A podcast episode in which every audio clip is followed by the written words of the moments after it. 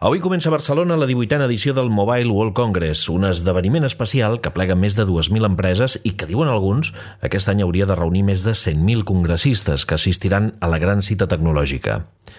Ja fa anys que Barcelona es postula per ser una de les grans capitals globals de la tecnologia i la innovació i que estira de retruc el conjunt del país cap a aquesta nova revolució industrial que ve de la mà de la tecnologia, la digitalització i la connectivitat.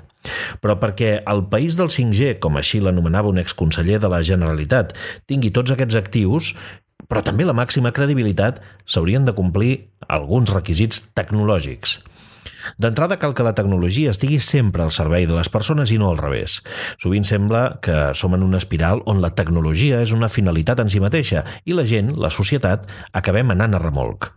La revolució digital, doncs, hauria de tenir sempre les persones al centre. La connectivitat també és una assignatura pendent si volem que tota aquesta innovació en sigui realment útil.